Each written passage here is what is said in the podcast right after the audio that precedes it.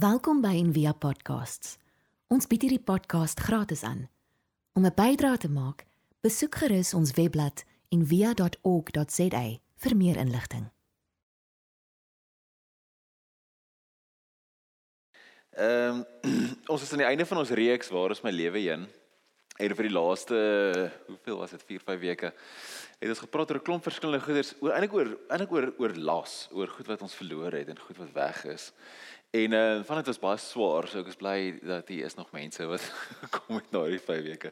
Maar dit is goed wat nodig is om oor te praat en goed wat ons mee worstel en sommer net so mens wees goeders. Daai beautiful. Wie daai gedig geskryf? Wat jy gelees het, die, ek nie. Pieter Orendal, o, ek het dit gemis. Jesus is mooi. 30. Hy's so baie ou 30. Sjoe. Ek 30 was, ek is ek geskryf nie.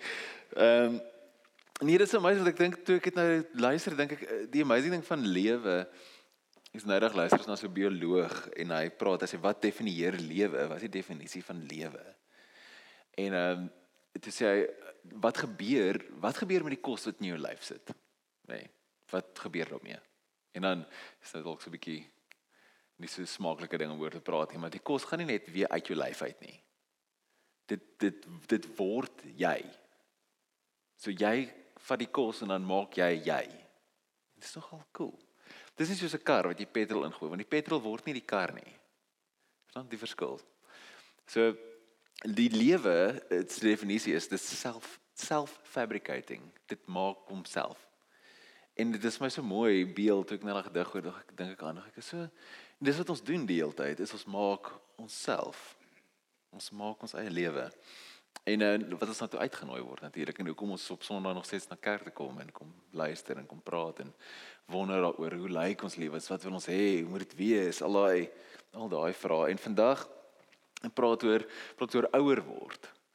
En uh, ek is nou nog nog nie so oud. Ek dink ek is so oud nie. maar so ek is in die middel van my lewe. Ek nou 40 geword laas jaar. Maar ehm um, as hy op Psalm reg is en kan 80 al en dink ek is 'n mooi slot in die middel. Maar ehm um, ek ouer word is nie is nie lekker nie. Vir my was dit nie lekker nie. Ek het 'n hele eksistensiële krisis intreneer gegaan laas jaar. Dis nie is nie lekker nie. En ek kom agter by die boks waar ons oefen en dan sit so daai jong ouetjies is so 20. As ek sê ek moet 20 minute voor die tyd opdaag om ekstra skoueroefeninge te doen dat ek nie myself doodmaak nie.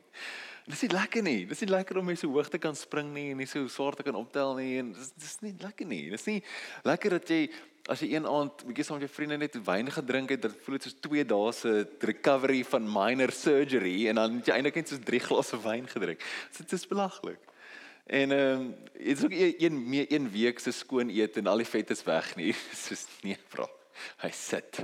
Dit is dedicated, daai vet het move nie.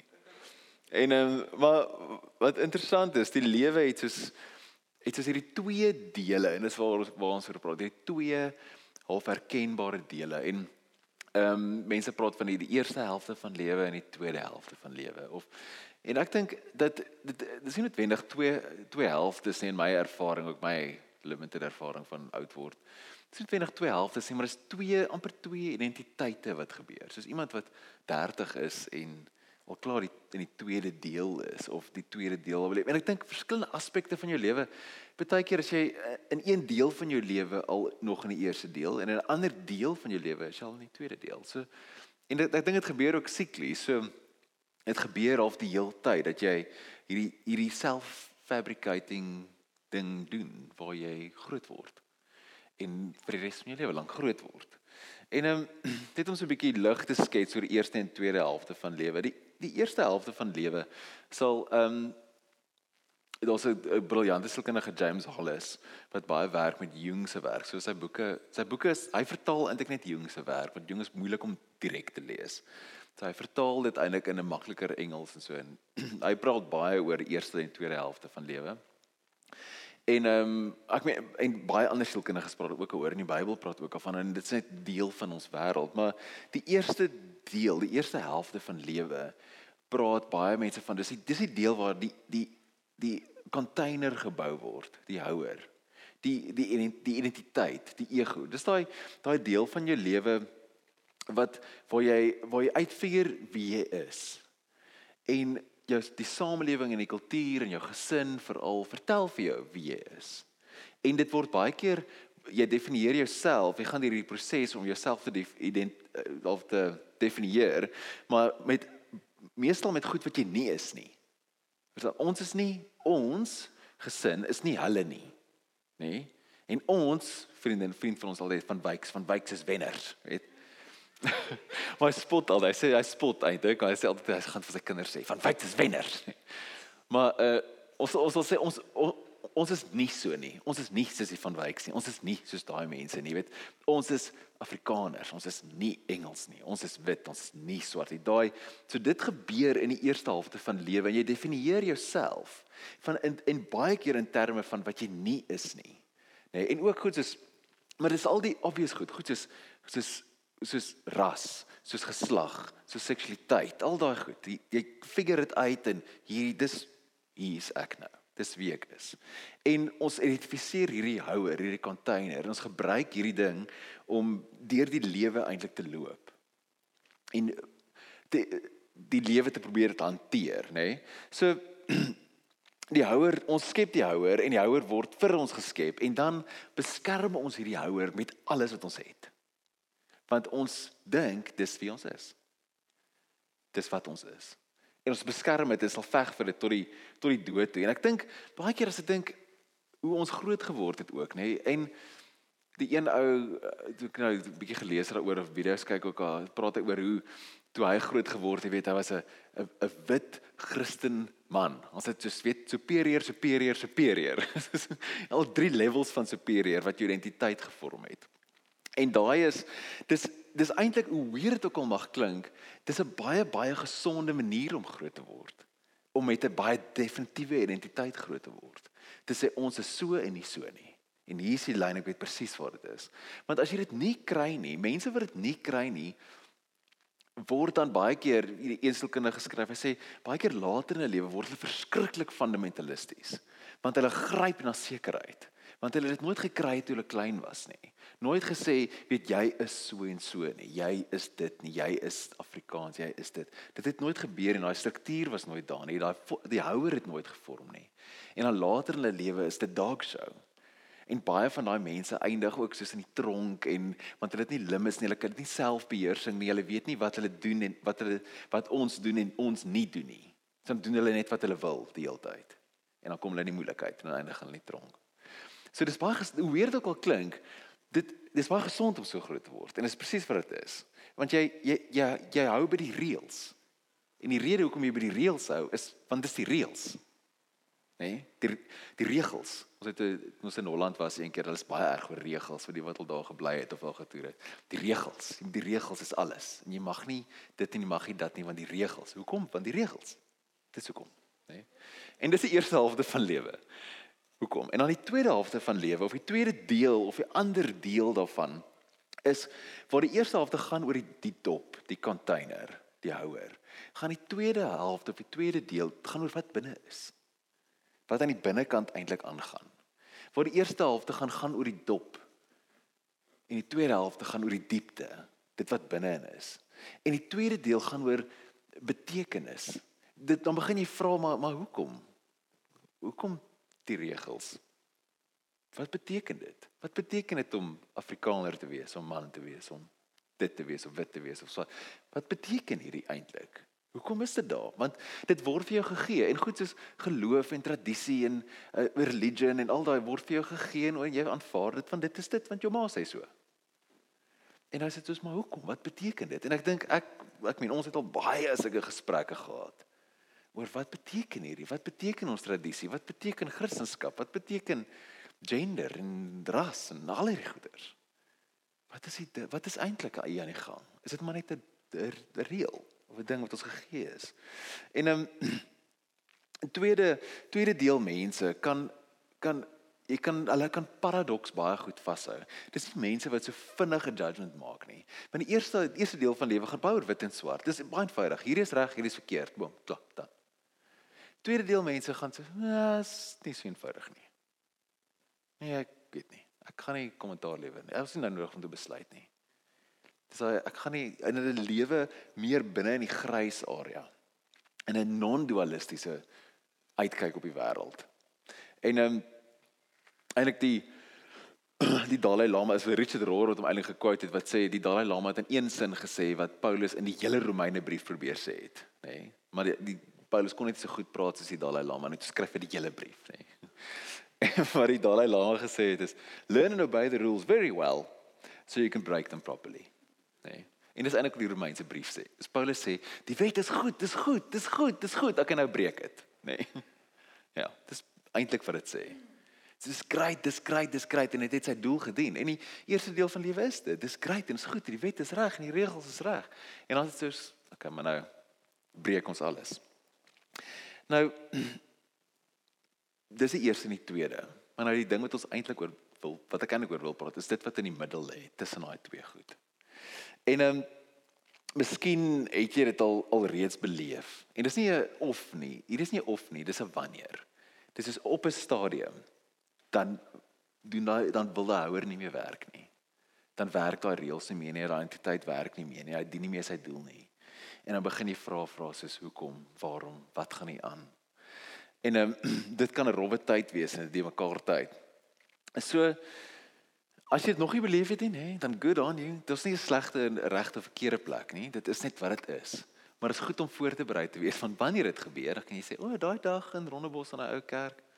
Dit Pierre het gesê, "Nou, hier is dit nou." So 'n vriend van my, hy hy sê en ek so 'n boek skryf. Ek kan nie sy naam noem, hy sal net sê embarrassed. Hy wil 'n boek skryf, Zen and the Art of an Elegant Midlife Crisis. en hy sê, hy's nou in sy 50's al eintlik. En hy sê Hy sê dit is hy beskryf sê the fog descends. En ewe skielik alles wat jy gedink het jy weet, weet jy nou nie meer nie. En jy weet nou eintlik nie meer waartoe nie. En dit is asof jy so in hierdie digte woud staan en jy die pad wat altyd so duidelik was. Ek het geweet ek gaan dit doen, dan gaan ek dit swat, dan gaan ek daar werk, dan dit gebeur en dis dan nie meer daar nie. Dis het verander. Of iets het gebeur en daai goeders het gebreek die verhouding wat jy gedink het gaan forever hou het, toe nou nie forever gehou nie. Forever is toe nou nie so lank as wat jy gedink het. En die mist descend, die fog descend. Hy sê hoe dit vir hom sy belewenis daarvan was dat hy of 'n panga gevat het en nou kap hy deur die woud en dan soek hy die pad, die nuwe plek. En dan elke nou en dan dan kom hy op eh, op op 'n 'n klering, op 'n oopte in die woud. En dan dink hy, "Ag, oh, hier's dit nou. Hier, hier gaan ek nou huis bou en hier's dit nou." En na ruk dan kom hy agter. Uh, nee. Dis nie dit nie. Dis nie die plek nie. En dan vertel hy maar weer die mense op en dan kap hy die kap en kap en kap. En elke paar keer kom jy dan sê maar uitwys wese oopte en elke keer is dit nie dit nie, nie dit nie, dit nie. En so soek jy deur die woud. En dan sê op die einde voel dit vir hom asof jy kom by jy kap deur die woud tot jy kom by 'n afgrond en daar's net mis daaronder en mis agter jou. Jy staan tussen die bome en nou is dit so maar nou maar wat nou. En dan die enigste oplossing vir hom was dan nou moet jy spring binne in 'n nuwe ding in, in 'n nuwe deel in en die oue heeltemal agterlos. En ehm um, James Hollis, die sielkundige, hy sê ons word geskok in awareness in. Soos iets gebeur in jou lewe, iets val uitmekaar uit of 'n uh, trauma gebeur wat ek al in hierdie stadium en die ou reëls en die ou manier van doen het werk nie meer nie. En jy word geskok in bewustheid in. En jy begin vra vra wat beteken dit al hierdie goed? Hoekom doen ons dit? waar gaan die lewe eintlik? En ek hou van hierdie ehm um, deel van hom is uit die boek uh die boek se naam is Finding Meaning in the Second Half of Life. Sê one of the most powerful shocks of the middle passage is the collapse of our tacit contract with the universe. The assumption that if we act correctly, if we are of good heart and good intentions, things will work out we assume a reciprocity with the universe. If we do our part, the universe will comply. Many ancient stories, including the book of Job, painfully reveal the fact that there is no such contract. And everyone who goes through the middle passage is made aware of it. Dis daai ding wat jy sê, "Maar dis nie waarvoor ek opgestaan het hierdie nie." Hy julle het gesê dat as ek hier reëls volg, dan gaan dit met my goed gaan. En nou weet dit nie. En nou wat nou? En dis wat dit is. En hierdie is ingeskryf, soos hy sê, dis dis in in in ons in ons mites, in ons stories is ingeskryf hierdie hierdie idee van die middeldeel wat gebeur, die donker deel, die binnesoek deel. Odysseus Richard Rohr verwys ook na Odysseus wat in die onderwêreld ingaan. En dan sê die profeet vir hom, die profeet se naam is ehm um, Tiresias dink ek, kan nie maar onthou nie. Hy sê vir hom jy's nou jy's nou klaar met jou eerste deel van jou reis, maar daar's 'n tweede deel. Jy gaan huis toe gaan en dan is daar nog 'n deel. En dan gaan hy weer uit die onderwêreld uit en dan gaan hy terug na sy vrou toe en hy sien sy kind en hy sien sy hondjie en al letterlik in die storie sien sy hondjie en dan gaan hy en sy seun en sy vrou en hy en sy vrou spandeer 'n nag saam dit is mooi en beautiful en alles en dan sê hy vir haar hoorie ek moet weer gaan Klink soos daai ding. Ek is net terug van dit van 'n besigheidstrip af, maar ek moet nou weer gaan. En dan gaan hy weer op 'n reis en dan het die profeet hom gesê, "Vat jou spaan, want hy was 'n oarsman, hy het geroei vir 'n dewe. Dit was sy identiteit, sy werk. Vat jou spaan en dan gaan jy ry na hierdie roei na hierdie plek toe. Vat jou spaan, stap met jou spaan oor jou skouer totdat iemand dink dis 'n winnow. 'n Winnow is 'n die ding wat jy kaf en koring mee van skei. So hou aan stap totdat iemand dink die ding oor jou skouer is 'n hoenhou. Dan plant jy dit daar en dan kom jy terug. En daai is so beautiful want en waar want dit is presies die passage. Dit is jou identiteit, die spaan, die dra. En dan totdat iemand dink dis 'n hoenhou, iets wat kaf van koring skei, iets wat iets wat kan discern. Wat kan weet wat is die moeite werd, wat is nie die moeite werd nie. Wat is reël, wat is nie reël nie. En hier is oral in ons as jy eers dit sien dalk na vandag gaan sien jy dit die hele tyd raak. Nou die dag kyk ons Pinocchio. Ek is ou my woord. Hier's die storie weer, nê? Nee? Pinocchio is 'n puppet. Puppet word beheer deur iemand anders, nê? Nee? Wat doen? Dan gaan Pinocchio weg. Dan gaan hy in diep in die walvis in. En dan nadat hy in die walvis is, dan kom hy uit en word hy 'n regte seentjie. Dan sê hy nie word hy nie meer beheer deur iemand anders nie. As ek so, "Oh my, dis dieselfde storie." Sien ek wat so incredible is. So Ek wil vir julle 'n stukkie lees. Ehm um, so een van my favourite boeke. Donald Miller se A Million Miles in a Thousand Years. Wat praat oor, oor storie en narrative. Oor hoe jy net oor lewe en hoe jy lewe, maar dit is so beautiful. Hy hy is dis onmoontlik vir hom om 'n lelike sin te skryf. So dit is so mooi om te lees. Ek vir julle net 'n stuk lees uit oor wat dit is. Dat het, hy beskryf dit is om te roei oor 'n meer.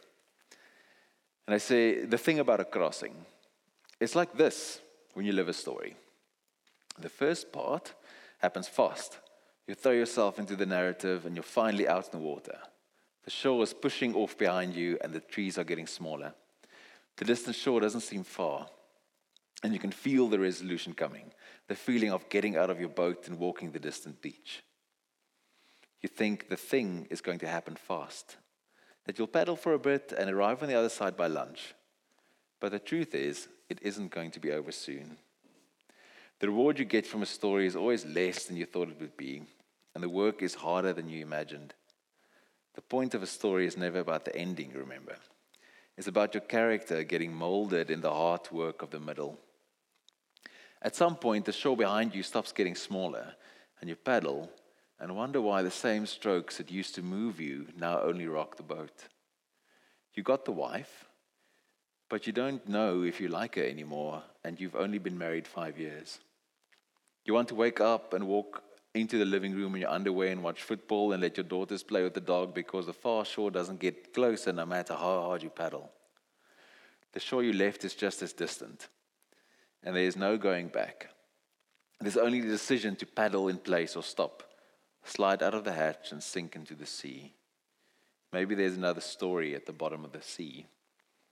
Maybe you don't have to be in this story anymore. The night we left Bob's dock, I didn't want to paddle through the night or across the wide inlet. We didn't leave his dock until after midnight, and we had to paddle for hours through the pitch black. And the middle of the inlet was so large, and the dock was so dark, we couldn't make out either shore. We had to guide ourselves by stars, each boat gliding close to another, just the sound of our oars coming in and out of the water to keep us close. I think this is when most people give up on their stories.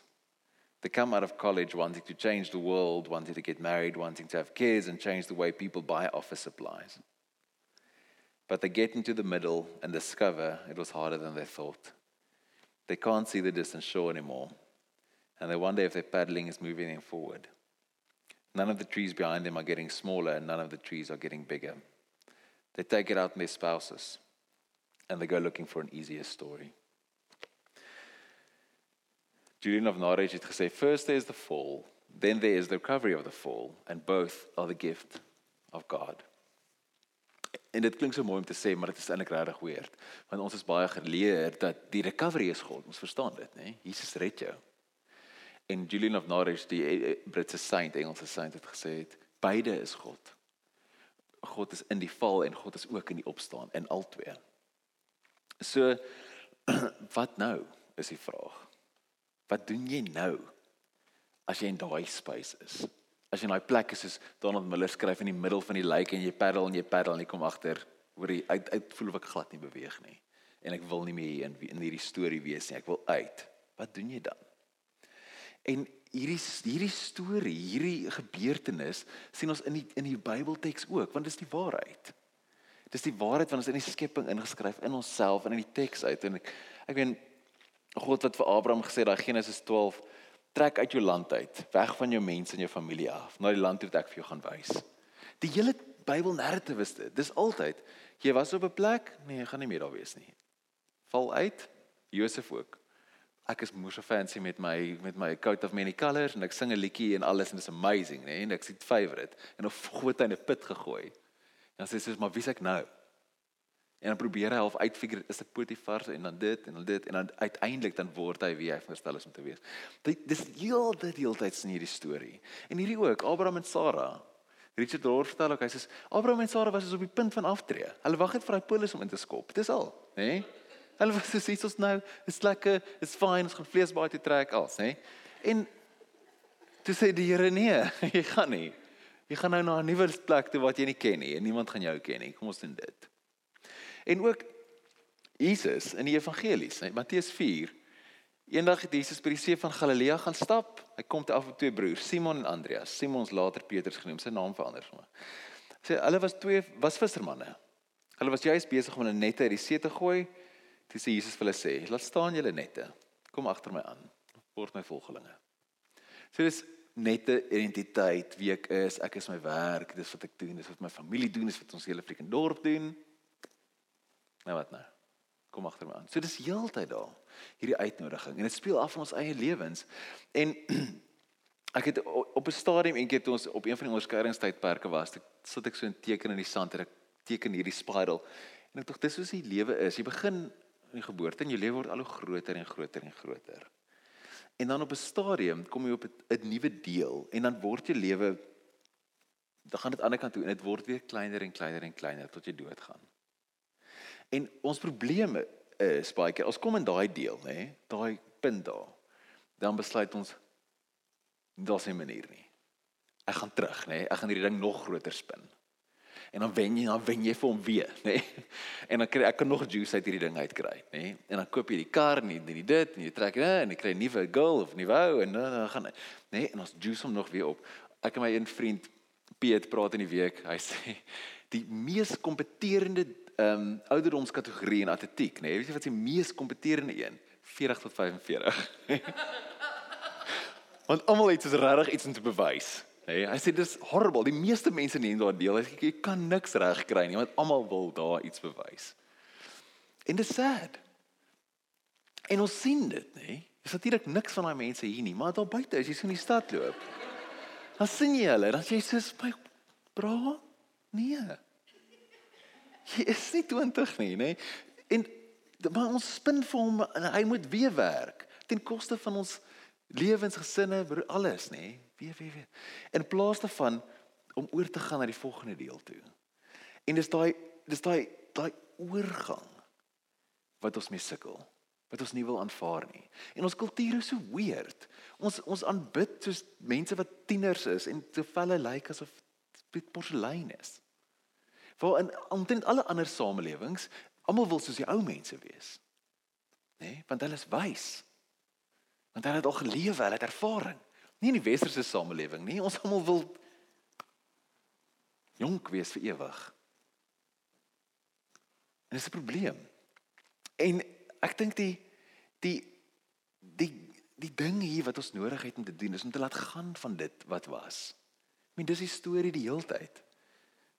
'n Vriend van my, hy sê altyd ou Abel, hy sê altyd die die les is altyd dieselfde. Die lewe is eintlik baie eenvoudig. Die les jy moet leer is altyd dieselfde. Die les is altyd laat dit gaan. Maak ook wat gebeur nie. Let it go. Om daai identiteit, daai houer, daai goed, dit moet gaan. Daar moet 'n dood gebeur. Death and resurrection, dis ons narrative. Dis ons storie. Maar ons like dit nie want dood is nie lekker nie. Ons wil liewer ons hou meer van risas. Dit is beter as resurrection. Maar resurrection kan nie gebeur sonder dood nie. En dis 'n buurt daar's 'n storie. Ek is so 'n bietjie van 'n Japan freak, glo soos Japanse kultuur en goed. Ek dink is soos hulle het 'n hoogs ritualized, moet Afrikaans sê, ritualized kult. Hulle het rituele vir alles, nê? Nee? En dit is my so mooi, ek love dit. Hulle het uh, een keer 'n jaar is daar ritueel waar die die al die seamstresses gaan, dan het hulle 'n seremonie vir die stomp naalde. Hey, as ek sê hoor hier is 'n baie advanced culture, nê? Nee? Can you imagine 'n seremonie vir stomp naalde in Kaapstad daar in Epping by al die fabrieke? It's not going to happen. Nee, baie is baie ritualized culture. Is hulle gebruik, hulle verstaan die waarde van rituele. En wat hulle agtergekom het na die Tweede Wêreldoorlog was daar baie van die Japaneese soldate wat nie kon integrate nie. Hulle kon nie weet net gaan mans wees in hulle huise nie en paas wees nie. En gesukkel met wat ons nou weet is posttraumatiese stres en al hierdie goeters. En toe omdat hulle Japaneese is, dink hulle ritual uit. En die ritual was gaan sit in 'n sirkel, die man gesit in die middel, soldaat sit in die middel en dan almal in die sirkel prys hom vir wat hy gedoen het in die oorlog. Nê? Nee? Hoe hy sy lewe opgeoffer het vir daai paar jaar, hoe hy geveg het, hoe hy al hierdie sacrifice, al hierdie goed, al die great gestoot totdat dit vat 2, 3 ure totdat dit uitgeput is. Niemand niks meer het om te sê nie. Dan staan die elder op, nê? Nee? En die elder sê vir hom, jy is nou ontslaan. Dis klaar. Jy kan nou gaan na jou gewone lewe toe. Jy's nie meer 'n soldaat nie. En dit is die ding wat ons moet doen. Is om die eerste deel te sê daai soldaat is nou nie meer nodig nie, want jy kan nie die soldaat oorvat aan die tweede kant toe nie. My soldaat het sy werk nou gedoen, dis nou klaar. So dit is hoe ons oorgaan. Is om te laat gaan en dit te aanvaar. Dit wat ons so baie keer vir mekaar sê hier binne in hierdie space is ervaar daai dood. Aanvaar dit en dan laat dit vaar. Oor en oor en oor en oor en oor.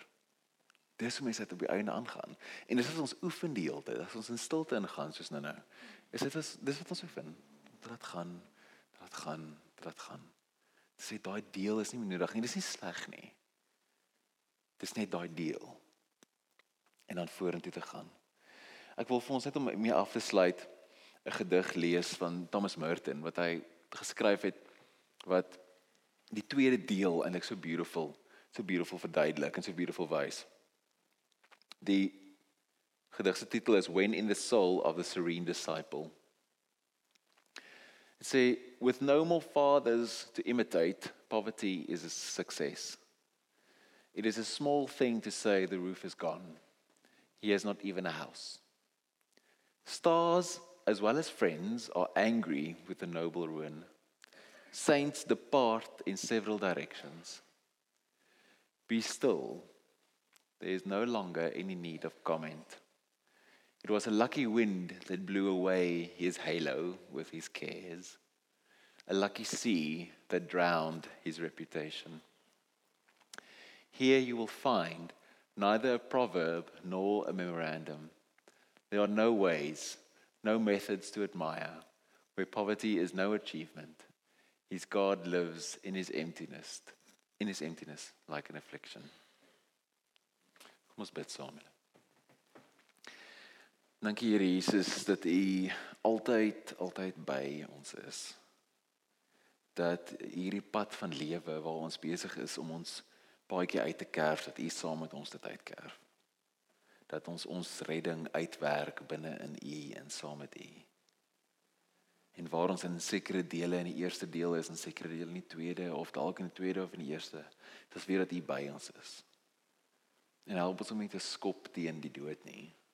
Teen die laat gaan van dit wat verby is nie. Dat ons dit kan begrawe en kan aangaan na iets nuuts. Dit wat U vir ons het. Ons loof U naam.